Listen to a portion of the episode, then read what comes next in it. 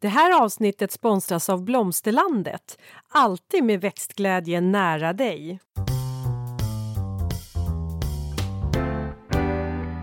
Välkommen till Ulrika och Lindas trädgårdspodd och det är jag som är Linda Kjellén, trädgårdsmästare. Och det är jag som är Ulrika Levin, eh, trädgårdsdesigner. Och idag, kära lyssnare, så ska vi faktiskt prata om att samplantera grönsaker och blommor. Och vi kommer ha en expert på området eh, som vi presenterar lite senare. Linda, mm. vi går rakt på. Ja, vi kan gå rakt på, för jag håller faktiskt på just nu att, ja du tänker att vi går rakt på vad som har hänt sen sist? Nej, jag Nej. tänker att vi ska, det kan vi också göra. Ja. Men jag tänkte du kan väl bara berätta lite kortfattat, samplantera grönsaker och blommor. Det kanske säger sig självt i och för sig. Jo men jag tycker nog att det säger sig självt. Eh, men eh, om man nu ska rama in det åt er lyssnare så kommer vi alltså prata om den blomstrande köksträdgården, en så kallad potager. Och eh, vi, vi har haft ett avsnitt om köksträdgården och den handlar mer om utformning om köksträdgården och det var avsnitt 78. Eh, och man kan väl säga så här att det finns eh, många anledningar till att samplantera grönsaker och blommor. Och eh, det ska vi fördjupa oss i med dagens gäst som vi kommer presentera alldeles strax. Mm. Mm. Fortsätt då. Jag, jag, vet du vad, jag ställer frågan till dig Ulrika. Mm. Vad har du pysslat med sen sist vi sågs? Uh, men det är full Du verkar lite uppe i varv tycker jag. Aha. Ulrika är jättemycket uppe i varv. Hon har haft det, det har varit det är väldigt mycket toppar och dalar och toppar och dalar här ja, nu. Ja, eh, jag vet. Så här, jag brukar försöka tona, tona ner dem lite för det kan bli lite dålig energi där. Jag har inte riktigt lyckats hantera det idag. Jag har nog kommit in som ett litet åskmoln av och till.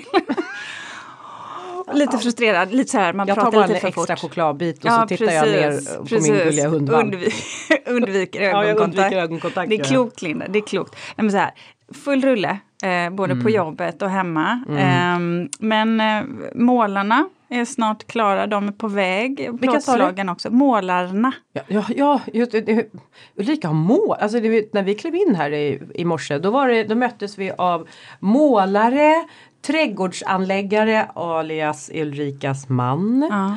Så eh. det är mycket bar hud och tatueringar nu för tiden har varit här. En ja, ja, vad ska jag säga? Det har så varit är det varm. Ulrikas trädgård. Ja. ja, en inblick i Ulrikas trädgård. Bar hud och tatueringar, det var Ulrikas trädgård. Oväntat säger jag. Och så lite hårdrock på det. Det vet jag inte. Mm. Nej, nej, jag tror mest att det, de går med ö, hör, öronsnäckor. Ja, men det är du som står för hårdrocken. Ja, precis. Ja, om inte annat i ditt humör. Oh. det är väldigt Bra. mycket hårdrock på ja. hennes humör just ja, nu. Eh, exakt, exakt så har det varit. Eh, men, men absolut, eh, så har det varit. Ja, du, du då? Vad, jag kan säga att jag har nog aldrig svettat så mycket som jag har gjort de här senaste veckan. Alltså i den här värmen och anlägga och plantera ut eh, på köksträdgården som jag håller på med. Alltså det är så varmt, så varmt. Eh, och ändå går man omkring i liksom nätta sommarkläder. Men eh, nej, och jag förstår inte varför det alltid ska vara gassande sol de dagarna när det är dags att göra utplantering. Jag rekommenderar jämt utplantering vid mulet väder. Alltså det är vad jag säger till alla er som jo, lyssnar. Jo, jag fattar, men vem mm. skickar du rekommendationen till oh. om att få mulet väder? Jag bara frågar. Meteorologen på TV. Ja, okay. Men det är tydligen inte så att det finns ingen bluetooth-överföring till vädergudarna där. Så, att, så att det, det, är, det är alldeles för hett. Alltså jag kan säga det, jag höll på att få solsting häromdagen. Men det det är bara så här, jag, man, jag jobbar emot eh, tiden, naturens eh, klocka. Allt måste ut och det måste ut nu. Annars är det i princip inte för alltså, Jo, det är lite för sent är det.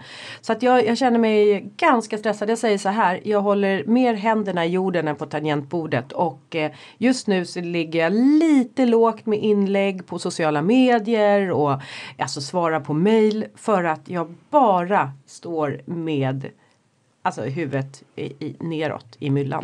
Mm. Det vet jag en till som gör. Jag tänker att vi ringer upp. Ja. Jag ska bara säga en till sak också. Jag har ju studentmottagning här i, i morgon, eller ja imorgon också. Så att jag kan säga att det är ganska mycket för mig med att rodda med en student också. Nu ringer vi upp Annette Nilsson, Annette på Boäng.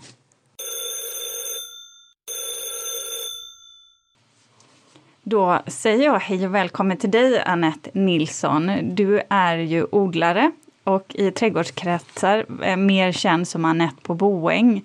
Ehm, du driver ju en av landets mest uppmärksammade köksträdgårdar och är ju också författare till boken Den blomstrande köksträdgården.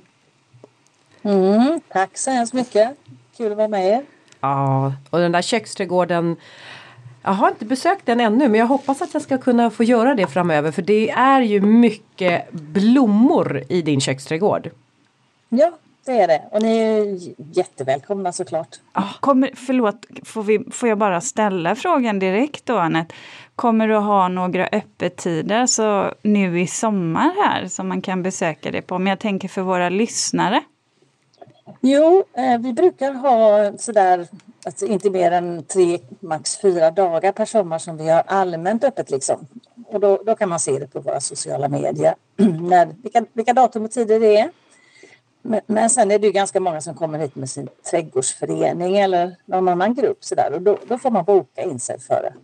Mm, fattar. Då får man hålla koll på, på, på Insta-kontot. Vi lägger ut det här på, vår, eh, på vårt Insta-konto och kli, eh, till vårt eh, Linktree där så kan ni lyssnare gå in och hålla koll om ni vill besöka Anette. Ja, och om man då vill besöka Anette då vill vi nu att du ska berätta vad är det vi kommer se när vi kommer ner till Boäng. Eh, vad, för det här är ju inte en vanlig eh, köksträdgård som sagt utan det här är ju en potager. Vad är en potager? Eh, en potager är en eh, dekorativ köksträdgård kan man säga. Alltså, eh, själva ordet potager betyder ju bara köksträdgård på franska. Men det har liksom kommit att börja användas om just dekorativ köksväxtodling bara för att fransmännen är så duktiga på det. Så de i, man kan säga att potager är en köksträdgård eh, på franska men att de eh, har ofta eller alltid med blommor i sina köksträdgårdar. Mm, alltså jag tror det finns alla sorters köksträdgårdar i Frankrike precis som här. Men, eh, och, och när de använder ordet potager så betyder det liksom bara köksträdgård. De kan se ut hur som helst. Men, men eh, i England och här i Skandinavien och så, där, så har vi kommit att börja använda det ordet för just dekorativ köksträdgård. Mm, just det.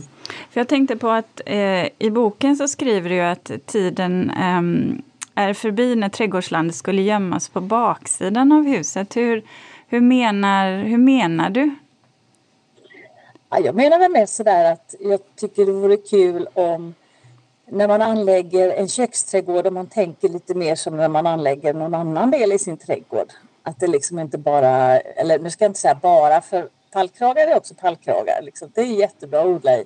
Men ofta så ställer man liksom upp dem utan eh, något kanske sammanhang runt omkring sådär.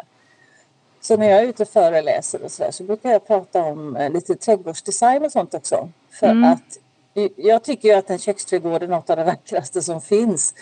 Och då tycker jag att den förtjänar liksom kanske ett eget rum med häckar och träd och gångar och ja, hur man nu vill ha det. Att man liksom tänker på platsen. Och då kan man ju gott anlägga den liksom på framsidan av huset där alla ser den. Det Ja. första de gör. Det är välformulerat för att det, så upplever jag också. Jag, nu är det, och jag kan väl tänka mig, alltså utifrån mina kunder i alla fall, så är det ju två perspektiv. Det är antingen de som odlar mycket eh, och tycker att det är väldigt roligt till de, till de som bara vill ha kanske lite bär och odling för ja, i mindre skala i pallkragar. Men det är precis som du säger att oftast så, så är ytan jord utan tanke kanske lite spretig och den kan bli så mycket enklare att sköta om man så att säga tänker till hur man ja, men inreder den, utformar den och framförallt gör den snygg. För det finns mycket som är vackert även i en köksträdgård. Och så kommer ju mycket av permakulturen nu där man blandar in ätbart i princip i hela sin trädgård. Mm. Men kan det vara så här att eh, konflikten står i att man skördar och när man skördar så blir det tomma utrymmen och det gör att man är så här, ah, det kanske inte alltid att den är den liksom prydligaste för man tycker att oh, men där måste jag ju ta och rycka upp de där morötterna och nu ska jag ta den där salladen och sen så finns det ingenting som fyller upp. Att, ofta så är det ju det i en rabatt att man vill ha den bara så här ostörd, kanske plocka några blommor bara.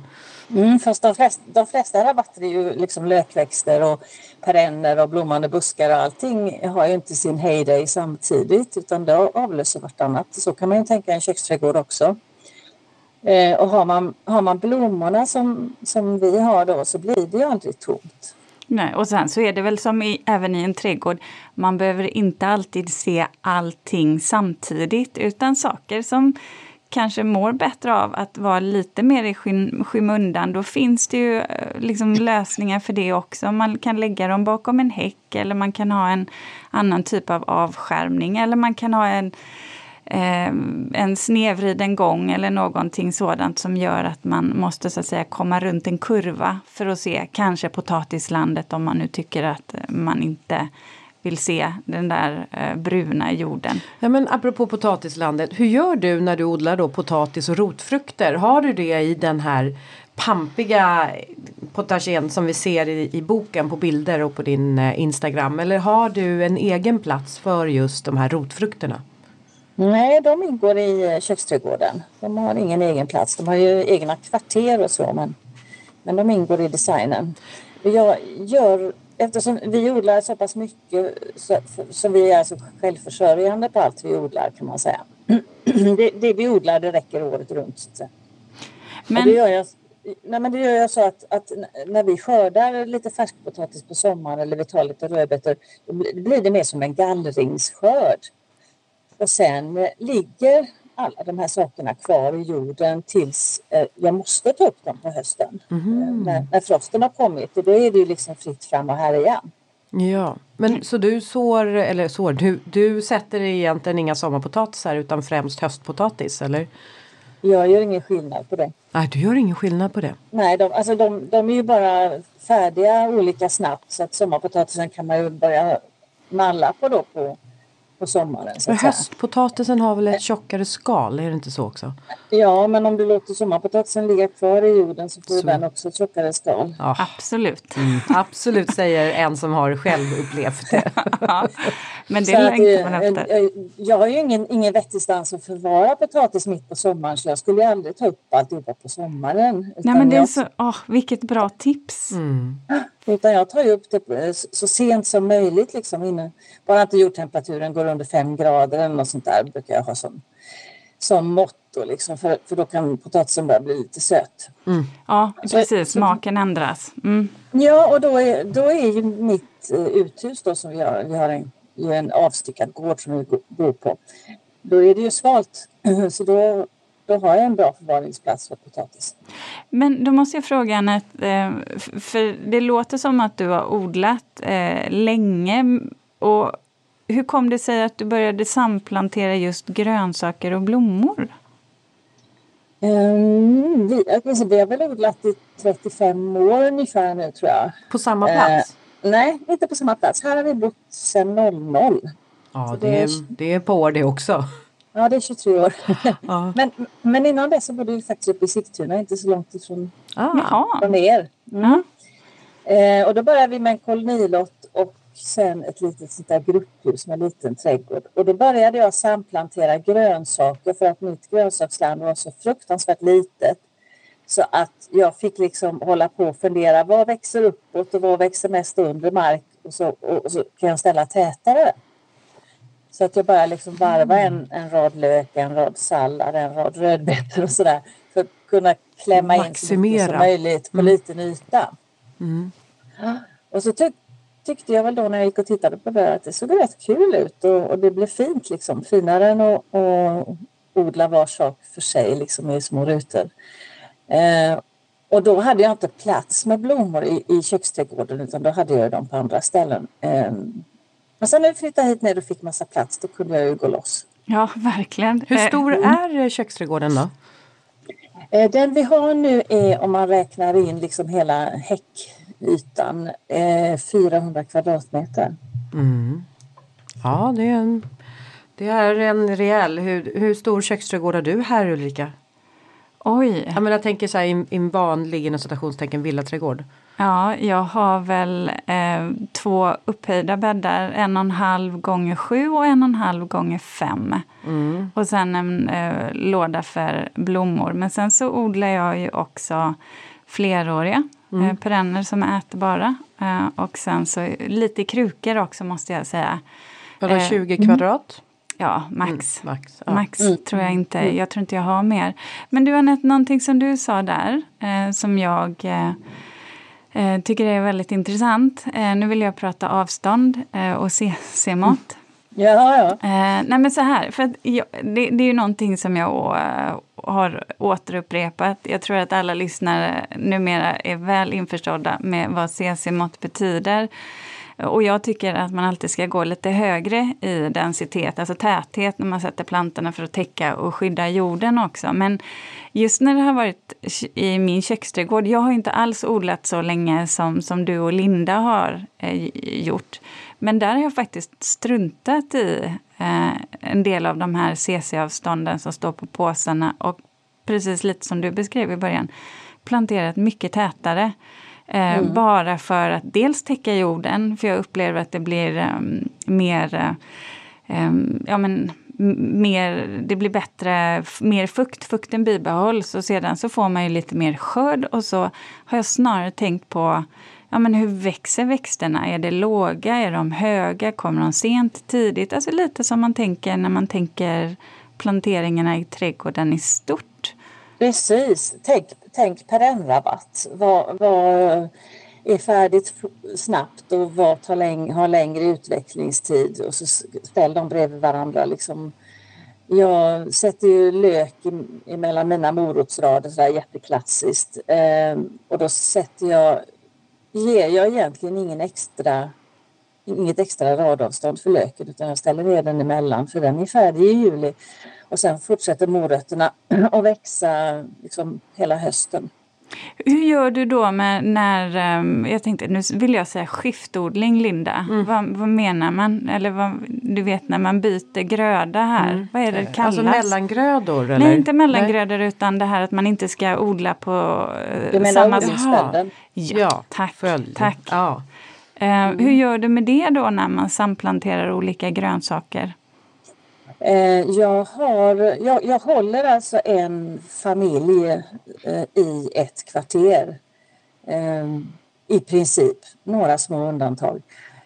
Så att morötter är liksom i ett och samma kvarter och löken är i samma kvarter ihop och så flyttar de tillsammans runt liksom, mm. i, i odlingsföljden. Ja. Vilka kvarter har du? Eh, jag har kål, eh, lök och morot, alltså lök och flockblommigt. Eh, ärtor, sallad och molleväxter, bönor och sist, nej, vad var det mellan där? potatisen. Potatisen. Mm. Och sen bönorna. Mm. Så sex kvarter. Mm. Ja, då har du ju en bra odlingsföljd. Gröngödslar du någonting? Eh, inte mycket. Eh, för att eh, ja, alltså min yta är ju liksom odlad i stort sett. Ja, inte hela året men ganska länge. Mm. Eh, och på vintrarna har jag valt att plocka bort så mycket som möjligt. Eh, jag kan täcka med någonting om jag vill.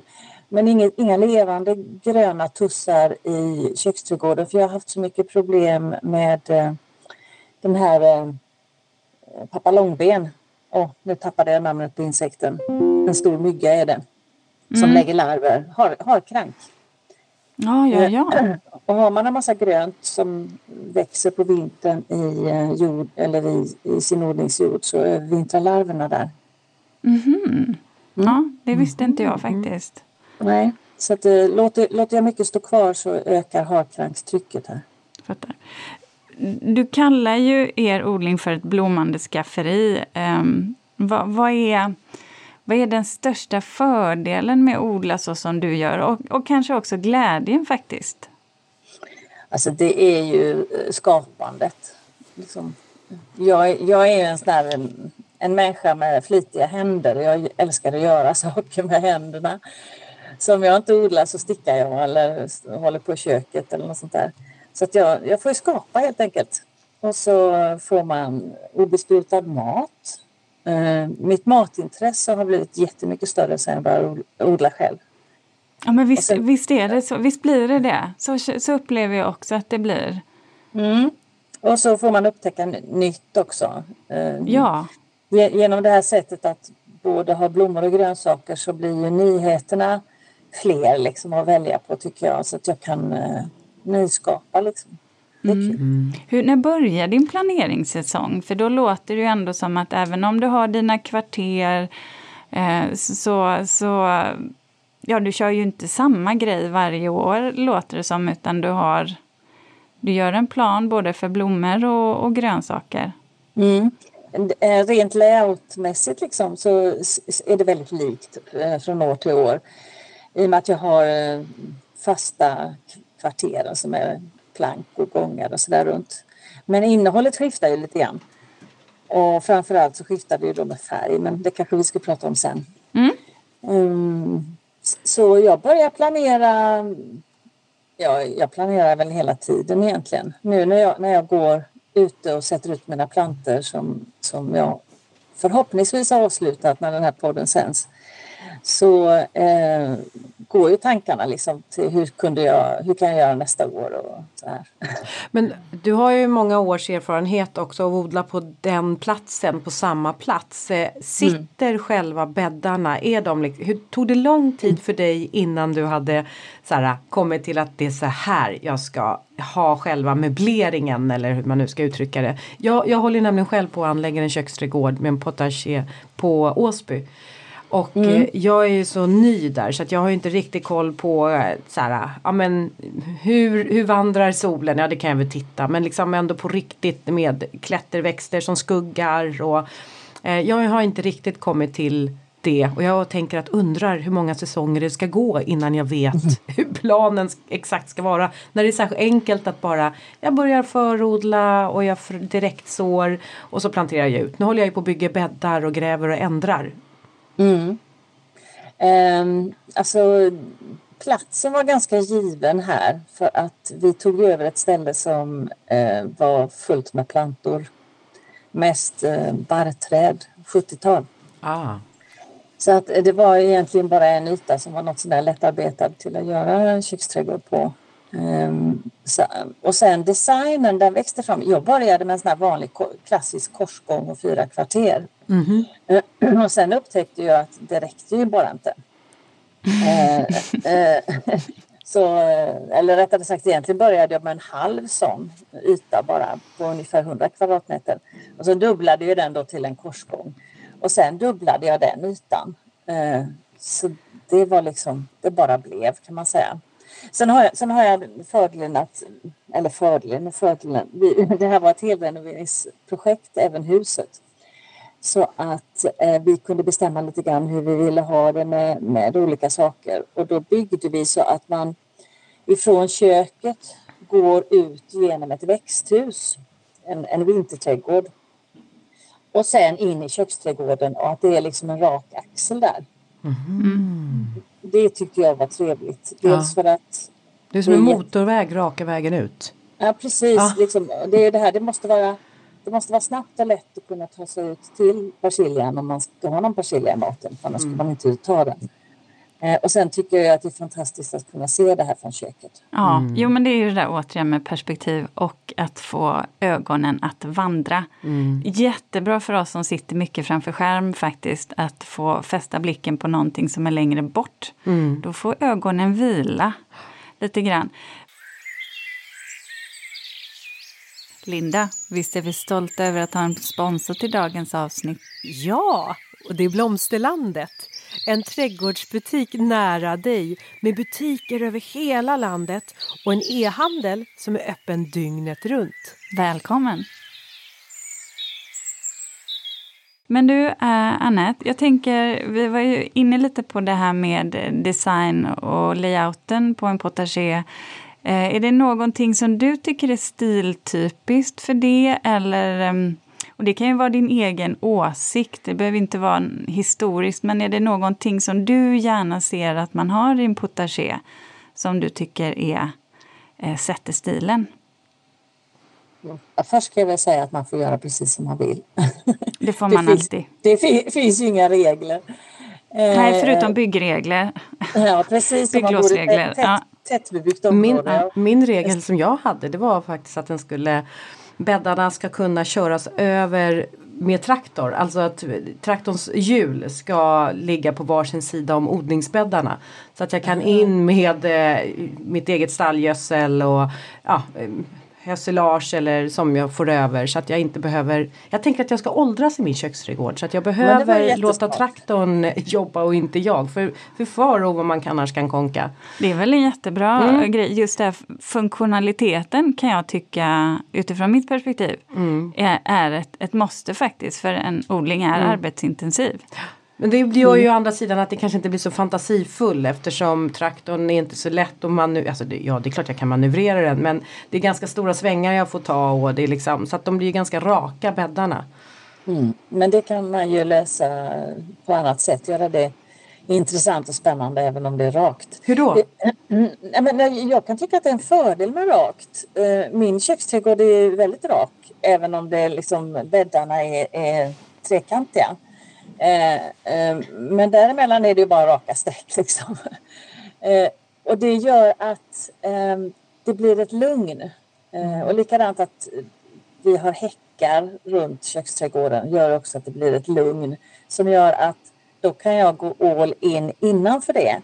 Jag kan ha hur mycket färg som helst och jag kan ha ganska stökigt ibland när jag inte hinner sköta det och salladen har gått i blom och ärtriset hänger kvar ut och så här. För att finns strukturen där så upplever man det ändå som skött och liksom ordnat. Mm. Eh, om du förstår. Växterna mm. blir det yviga, det så att ja, säga, det mjuka. Eh, de återigen blir, kontraster. De blir det här fluff-fluffet. Mm. Och, och, sen också Eh, Eh, har vi ju flera årstider än sommar. Så jag tycker att det är kul att ha eh, fasta gångar, bäddar, klätterställningar, eh, häckar och sånt. För de är fina på vintern när det är frost och snö och så här. Så det är väl lite därför jag pratar om det här med att fundera på när ni ska göra en köksträdgård om ni liksom kan göra ett, ett trädgårdsrum av den. Mm. Trädgårdsrummet så blir det läder innanför också och ett bättre mikroklimat. Ja. Mm. Du, men om vi nu pratar lite om blommorna. Är det bara ätbara blommor som får finnas i en eh, köksträdgård? Nej. Nej. Det tycker inte jag. Det begränsar inte jag mig till alls. Nej. Utan jag tänker mer att eh, om jag ska ha blommor i köksträdgården och i, i och med att det är så pass stort som 400 kvadratmeter så vill jag ha saker som blommar riktigt länge. För jag kan liksom inte rent tekniskt byta ut allting mitt på sommaren. Eh, och sen vill jag ha mycket färg. Mm. Så att jag, jag tittar mer på det. Mm. Täckodlar du, Anette? Egentligen inte. Eh, för att lite som du sa där från början att jag sätter så tätt så att när jag väl har planterat ut så tar det inte många dagar innan jorden är täckt. Men eh, vi börjar ju få så väldigt torra somrar i Skåne. Mm. Eh, så att jag har börjat tänka om. Jag har haft eh, några kvarter täckta nu i väntan på plantering för att eh, spara på den fukt som är där. Mm. Ja, det, är ett, det är ett aber faktiskt. Jag, vet, jag, jag är mm. lite nervös för den här sommaren. Jag vet att i vår semesterträdgård mm. nere i sydligaste Skåne så är det redan nu supertorrt och vi har ju bevattningsförbud och har haft mm. ett bra tag. Så att ja, Mm. Um, det är Vad lite så här hairy mm. scary. Vad har du för bevattning? Har du, är det bara naturens krafter eller är det, har du droppbevattning? Eh, inte utomhus har jag ingen droppbevattning, bara i växthus. Eh, så att jag, eller vi ska jag säga för jag är inte ensam, min man gör mycket här också. Vi drar slang. Och så punktvattnar det som ni ser ja. det här behöver. Mm. Mm. Det, det, är så vi har egen brunn och den är inte djupborrad eh, för att här får man inte så bra utbyte av djupborrarna. Utan eh, det verkar finnas mer vatten i de ytliga lagren. Liksom. Så att vi, vi har en grävd brunn och när den är slut så är den slut. Mm. Ni tar inte hand om regnvattnet? Jo, det gör ja. vi. Mm. vi. Vi tar hand om både regnvatten och avloppsvatten faktiskt. Ja, bra. Vi har eh, installerat ett minireningsverk och efter rening så kan vi återanvända gråvatten till sånt som vi inte äter. Jag, jag vågar inte vattna med det i köksträdgården men, men vi kan rädda livet på häckar och träd och sådär med det. Mm. Ja, det är ju strålande för det mm. är verkligen ett användbart vatten det också. Det blir mm. lite fel att använda vårt fina dricksvatten egentligen till, mm. till en del av våra växter som, mm. som inte ska ätas då. Um, Nej, sommar, sommartid rinner det inte en droppe härifrån. Liksom. Vi använder allt. Mm. Mm. Klokt. Klokt ja. ja eh, men du, eh, så här, man eh, har ju pratat om att samplantering med grönsaker och blommor kan göra att man får en friskare odling. Det vill säga att den inte drabbas av lika mycket skadegörare till exempel. Upplever du att det är så? Om jag ska vara ärlig, nej. Nej, jag tänker att det kanske behöver vara en större skala. Och då har ju du ändå en väldigt stor skala men inte ens ja. när man odlar så stort som nej. dig. Nej, eh, alltså jag har definitivt ohyra på både morot och annat. Eh, det som kanske jag tycker jag märker är att pollineringen blir ju bra. Mm. Eh, men Skadefri blir man inte. Jag har definitivt både kolmal och kolfjäril och så här. Så är det. Eh, men jag tänker att det är också ett, eh, liksom en eh, temperaturmätare på att man har en en biologisk mångfald i sin trädgård att alla insekter finns där representerade. Sen behöver kanske inte man få ett sådär riktigt utbrott så att eh, all kål äts upp eller alla krasseblad äts utav jordlopporna utan men, att, men om det är lite tugg Ja, så what mm. liksom. Mm. Eller jag, tänk, ja, ja, jag vet vad jag ser mig själv som en del av den där biologiska mångfalden. Ja. Och då att jag kanske vissa vissa fall får vara den där rovinsekten eller rovdjuret ja. som går och tar död på de här skadedjuren som, som, kommer, som det blir lite för många av. Helt mm. enkelt. Jag tror att man måste eh, ha ett sånt resonemang. Mm. Det kommer aldrig bli självskötande. Nej, det, det tror inte jag heller. Eh, så att eh, där, därför så tänker jag, alltså jag planerar inte blommor och sånt med tanke på det utan jag, jag planerar efter vad jag tycker är kul att göra bara mm. vad, som, vad, som, ser bra ut. Men du apropå planera, vi pratade om när du började planera inför vad du ska så i eh, köksträdgården. Men jag, jag funderar också på när sätter du igång med din odling? Förodlar du? Alltså du måste ju ha så otroligt mycket växter. Förodlar du? Eller är det liksom hälften hälften förodling direkt sådd? Vintersår du? Hur, eh, hur får du mm. till det här? För det kan ju bli ganska dyrt om man ska åka iväg och handla plantor. Eller hur, hur gör du? Hur många plantor har du? Ja, handla plantor gör jag inte. Eh, jag köper frö. Mm. Eh, om någonting totalmisslyckas något år, någon av de viktigaste grejerna så kan det hända att jag får beställa ett, ett, ett brett med plugg. Liksom. Det har jag, det har jag kanske gjort två gånger under karriären här. Eh, men eh, nej, jag direkt så bara sånt som har långa rötter som inte fixar att stå i pluggbrett. Så att eh, morot och svartrot och palsternacka och sånt, det, det sår jag. Resten drar jag upp i plugg. Oh. Och då gör du det i växthuset? Ja, absolut. Du sa... vi, har ju, vi har ju det växthuset som sitter på köket där, där jag kan starta varma sådder och sånt. Och sen eh, stod det faktiskt ett stort kallhus här på eh, fastigheten när vi köpte den. Mm. Så att, eh, där, där, hade jag tur. Ja, eller ni valde den fastigheten kanske för Precis. det fanns, du såg var... potential och möjligheter här. Ja, 80, ja. Kvadrat, 80 kvadratmeter kallhus säger man inte nej till. Oh. Ja, jag föreslår i princip äh, ingenting. Utan det mesta, jag har ju inga växthus eh, och ganska begränsat med utrymme inomhus så att jag direkt sa faktiskt det mesta. Mm. Och jag är en ja. sån där som är mittemellan. Jag gör eh, hälften eh, förodling, hälften direktsås. Jag tror inte att jag hade dragit upp så här mycket plugg om jag inte tyckte att det var väldigt roligt. Nej. Nej, det kanske där slår nog huvudet på spiken varför jag direktsår. Mm. Det kan vara så. Alltså, ja, men alltså, att ha pluggbrätten, eh, de är ju väldigt lättvattnade. Liksom jag ställer på, på såna här underbevattningsdrickor. Mm. Men sen när det är dags att skola, att stå ute i det här kallhuset i mars, april, eh, där det är, då är det 25 grader där inne och irisar och tulpaner och sånt där blommar.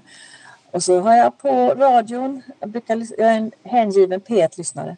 Mm. Eh, och så, så, står jag där och skolar och skolar och skolar och skolar och skolar och det är så meditativt.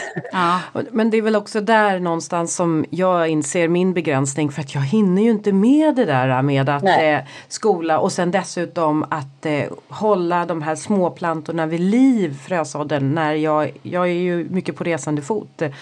Eh, och det, för mig blir det en, en liten stress. Och sen så tänker jag, har du något bra system när du förodlar då på brätterna? För att bordsskivorna tar ju slut. Har du hyllsystem eller liksom, hur gör du? Jag, jag har ju den här vinterträdgården som är byggd direkt på köket. Um, och den är frostfri. Och när uh, förodlingssäsongen drar igång och solen är uppe liksom, så blir det ju varmt där. Ja men där inne räcker bordsskivorna till där då? Eh, ja, bord, eh, vi har såna här, jag brukar ställa in såna här lösa klaffbord, vet, typ Ikea. Ja, ja.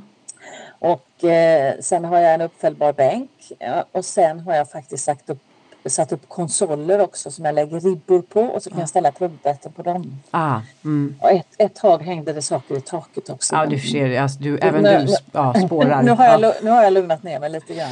Ja, men sen är också alla de där små pluggarna när man då ska plantera om dem, de växer ju i storlek. Det blir ju, mm. ja.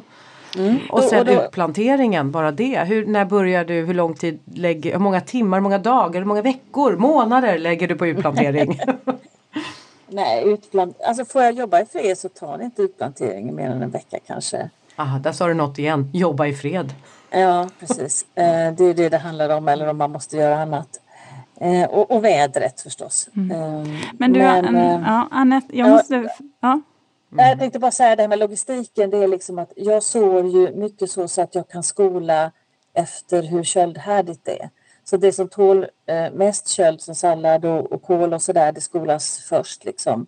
Förutom eh, eh, vad heter det, chili och tomater och sånt förstås. Men det får jag behålla in i värmen ett tag till. Mm. Eh, så att det är ju liksom en logistikkedja det där som man lär sig efter ett tag i vilken ordning man kan göra det liksom för att få plats.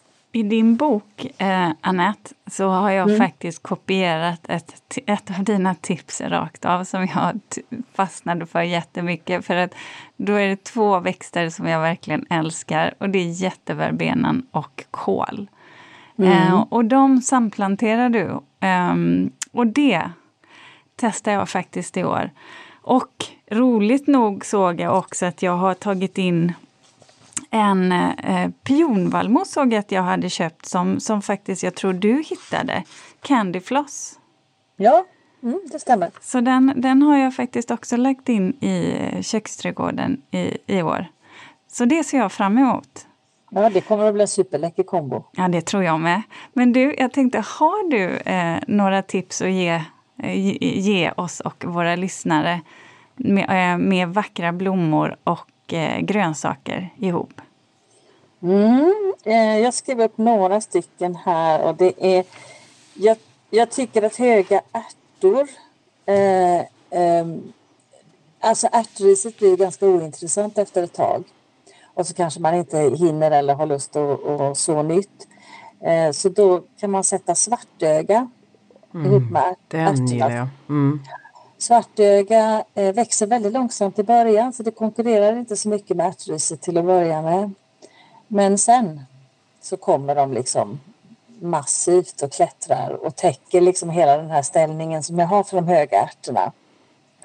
Eh, så då har man något som liksom följs så bra i tid där. Och sen tycker jag om eh, om man tar höga bönor då så är luktärt klassiskt. Jag vill kanske inte sätta luktärtorna ihop med de höga ärtorna för man kan vara rädd att folk tar fel. Mm. Mm. Inte må så bra efteråt. Nej, precis. Och sen kål och rosenskära är en klassiker. Ja, mm. ja. Mm. Alltså, då tänker jag bladkål av olika sorter. Spigarell mm. och eh, grönkål och sånt. Snyggt med de där lite dill-liknande mm. bladverket på rosenskäran. Mm. Precis. Och så är rosenskära jättebra på att titta upp där det finns plats. Liksom. Eh, så att eh, de är ju ganska luftiga liksom.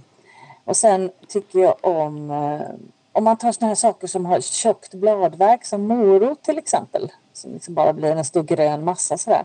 Så kan det vara snyggt att sätta um, en konsolida, alltså de romerska riddarsporrarna och sånt där uh, i det. Mm. För, uh, för, att de, där är det inte kontrasten så mycket utan där är det två uh, ganska skira saker som möts liksom. Mm. Och sen är en fördel med det också är att båda två funkar bra kalcium. Ah. Jag ska testa med eh, socker, ganska låga sockerärtor mm. faktiskt med eh, praktvärden, eh, skabiosen där, Fata Morgana. Mm. Mm, som kommer snyggt. lite senare. Mm. Lite, jag tror att det är en färg som du kanske skulle gilla Linda. Går lite åt blekgult, lite åt så här blek aprikosen. Ja, mm. alla de färgerna. Ja. Själv, själv, har jag ju satt ihop här nu eh, eh, rödkål tror jag det är och sen är det kronärtskockan och så är det ju sommarfloxen cherry karamell och sen en eh, rödbladig sallad, eh, red salad mm. bowl.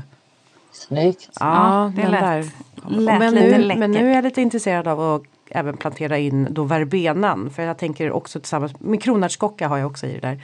Att tillsammans mm. med kronärtskockan, verbenan, den går ju lite i det lila. Mm. och sen så, mm. Fin färgkombo. Mm. Mm. mm. Men eh, favorit Anette då? Finns det någon sån här favoritblomma eller grönsak eller kombo som du alltid, alltid kommer tillbaka till? Alltså när det gäller blommorna så är, kan jag inte säga att det är någonting. Jo, kanske jätteverbena faktiskt. Den tror jag jag har haft varje år.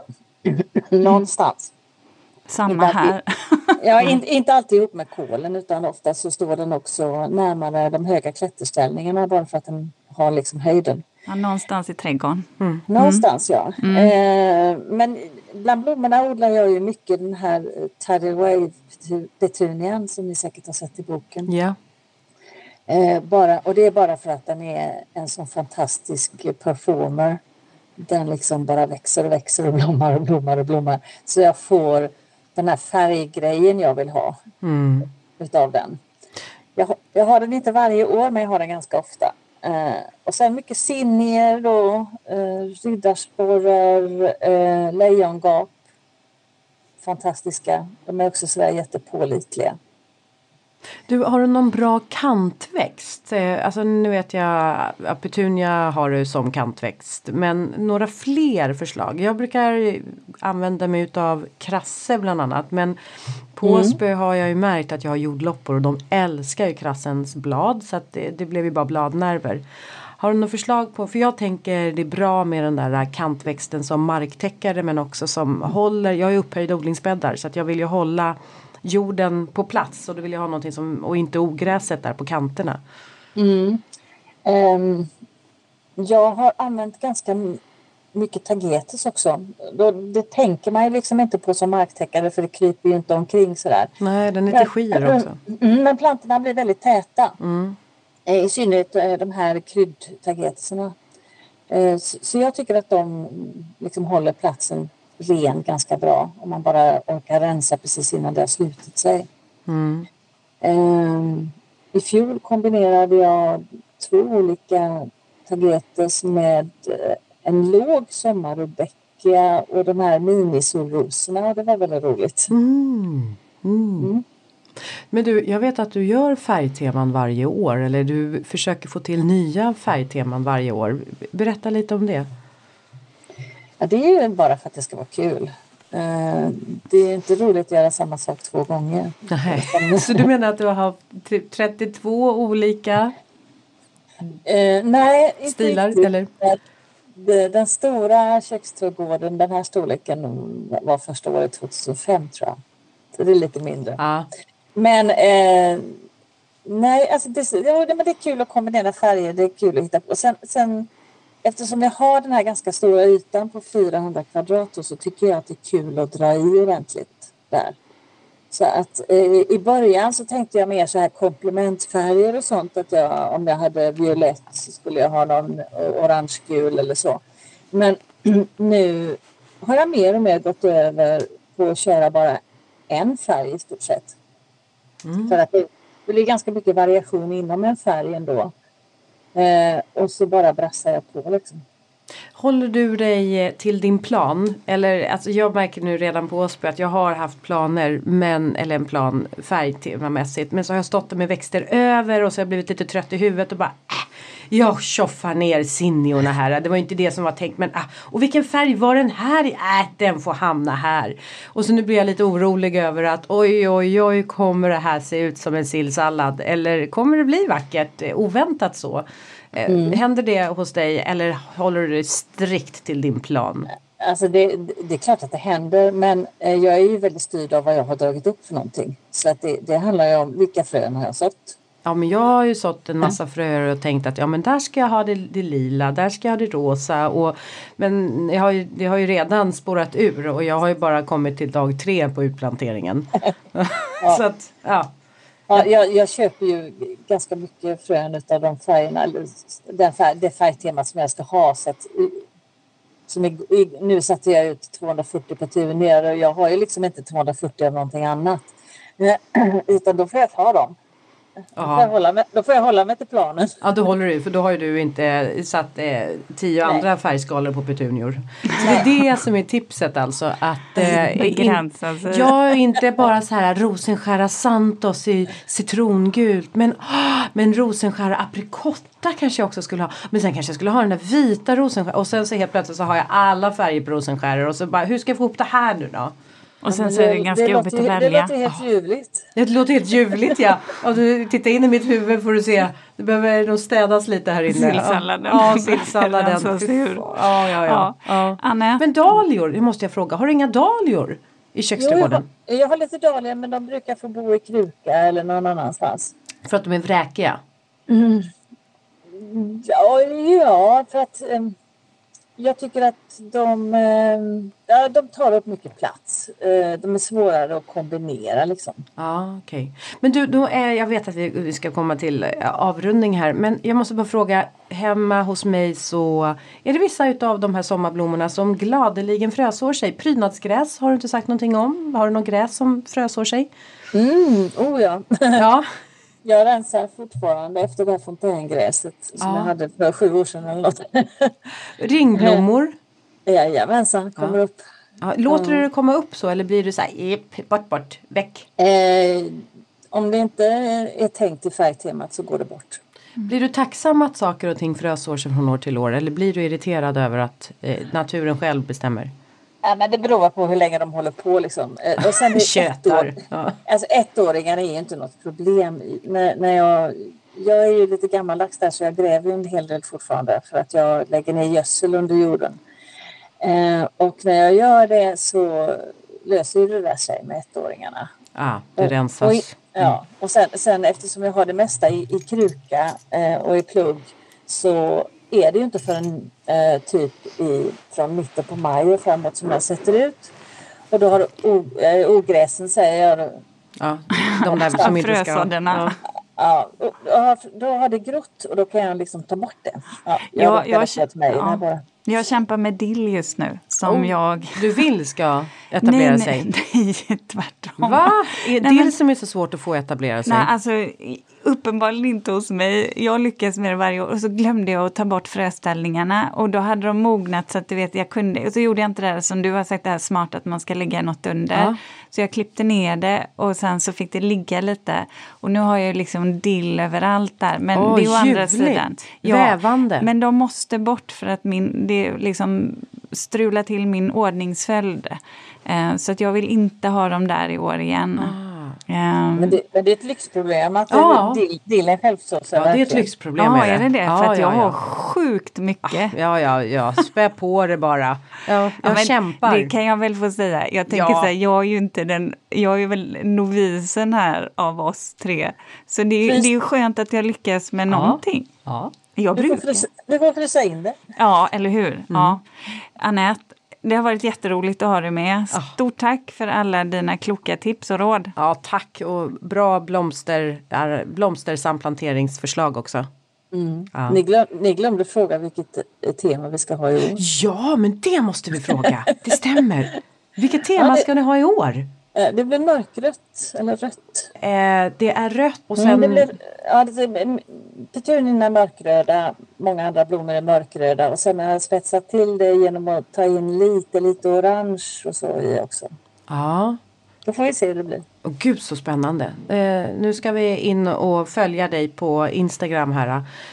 Så att vi får vara med under det årets eh, 2023 på Boäng. Mm. Ja. Ni, är så, ni är så välkomna. Så. ja men tack. Ja. Ja. Tack. Eh, Och, ta, och tagga potager vill jag säga. Jag vill se allas eh, potager. alla. Ja, absolut. Just det. Min dillodling. Ja. Stort tack Anette. ja tack. Hej. Tack, tack själva. Hej då. Du nu fick vi lite idéer.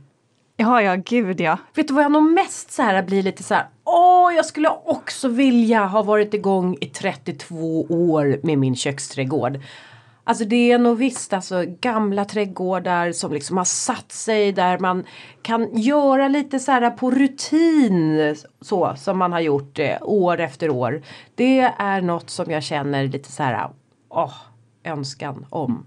Men det var ju faktiskt en ganska ehm, ganska häftigt ändå att höra. Och sen 400 kvadratmeter, det var nog det jag, som, det, var nog det jag blev mest avundsjuk på. Även om jag hörde vet inte- att det också var mycket, mycket jobb där. Ja, men, för jag men- säger så här 400 kvadratmeter, vi har ju någonting sånt på Åsby och jag kan känna så här "Åh", Alltså det är ju mycket som ska fyllas och mycket som ska skötas. Dina 20 kvadrat Ulrika och din dill framför allt. Alltså du har så mycket att glädjas åt i livet. I köksträdgårdslivet. eller hur? Men du då Linda, Mm. reflektionen för veckan? Jo, eh, jo men du vet vad, jag har, jag har faktiskt en, en liten spännande reflektion som jag har gjort. Och det är ju lite kopplat till den årstid vi lever i just nu när vi håller på med utplanteringar. För att i samma veva som man sätter igång utplanteringar så bör man ju också se över sina bevattningsmöjligheter. Eh, nu försöker jag ju verkligen och jag ska verkligen försöka att få mina odlingar att bli så självskötande från naturens regn som bara jag kan. Men jag vet att så här i början av säsongen då behöver jag stötta med lite extra vatten. Och vad gör man då? Jo, då går man ju in och så letar man upp de där vattenslangarna som man har lindat ihop och och sen så ska man koppla ihop och det ska förlängas och det är då man inser att man inte har rätt kopplingar. Alltså har du varit med om det här Ulrika? Att man har inte rätt kopplingar och ändå har man typ 10 kopplingar. Men Ja. inte en enda koppling Ja. passar just det som jag ska ha. Och det finns ändå, vad, vad finns det att välja på? Hanor, honar, olika tjocklekar på hanor och honar. Och ändå fattas just exakt Kunde man inte få någon som är könsneutral tänker jag? Ja, det skulle man Ja, kunna en ha också. hen Ja. hade ju varit fantastiskt Ja. som gick till allt. Ja, eller bara en, eh, en som sticker ut och en som ja, ja, går in. Jag vet inte. Men man borde ju i alla fall, eh, jag tycker i alla fall så här att det finns alldeles för många kopplingar. Ja, Eh, och det blir ju så frustrerande därför att då kommer man inte vidare och sen åker man till affären och så ska man handla nya kopplingar och så inser man att nej men alltså jag trodde det typ fanns en variant. Men nej, och då köper man ju istället då gardera sig. Så då köper Mm. man ju så här fem nya kopplingar. Varpå, ing- nej men jag, jag blir helt, det, vet du vad? och inte rätt är- tjocklek och det, aj Nej men det här är motsvarigheten till att eh, man får udda strumpor när man tvättar.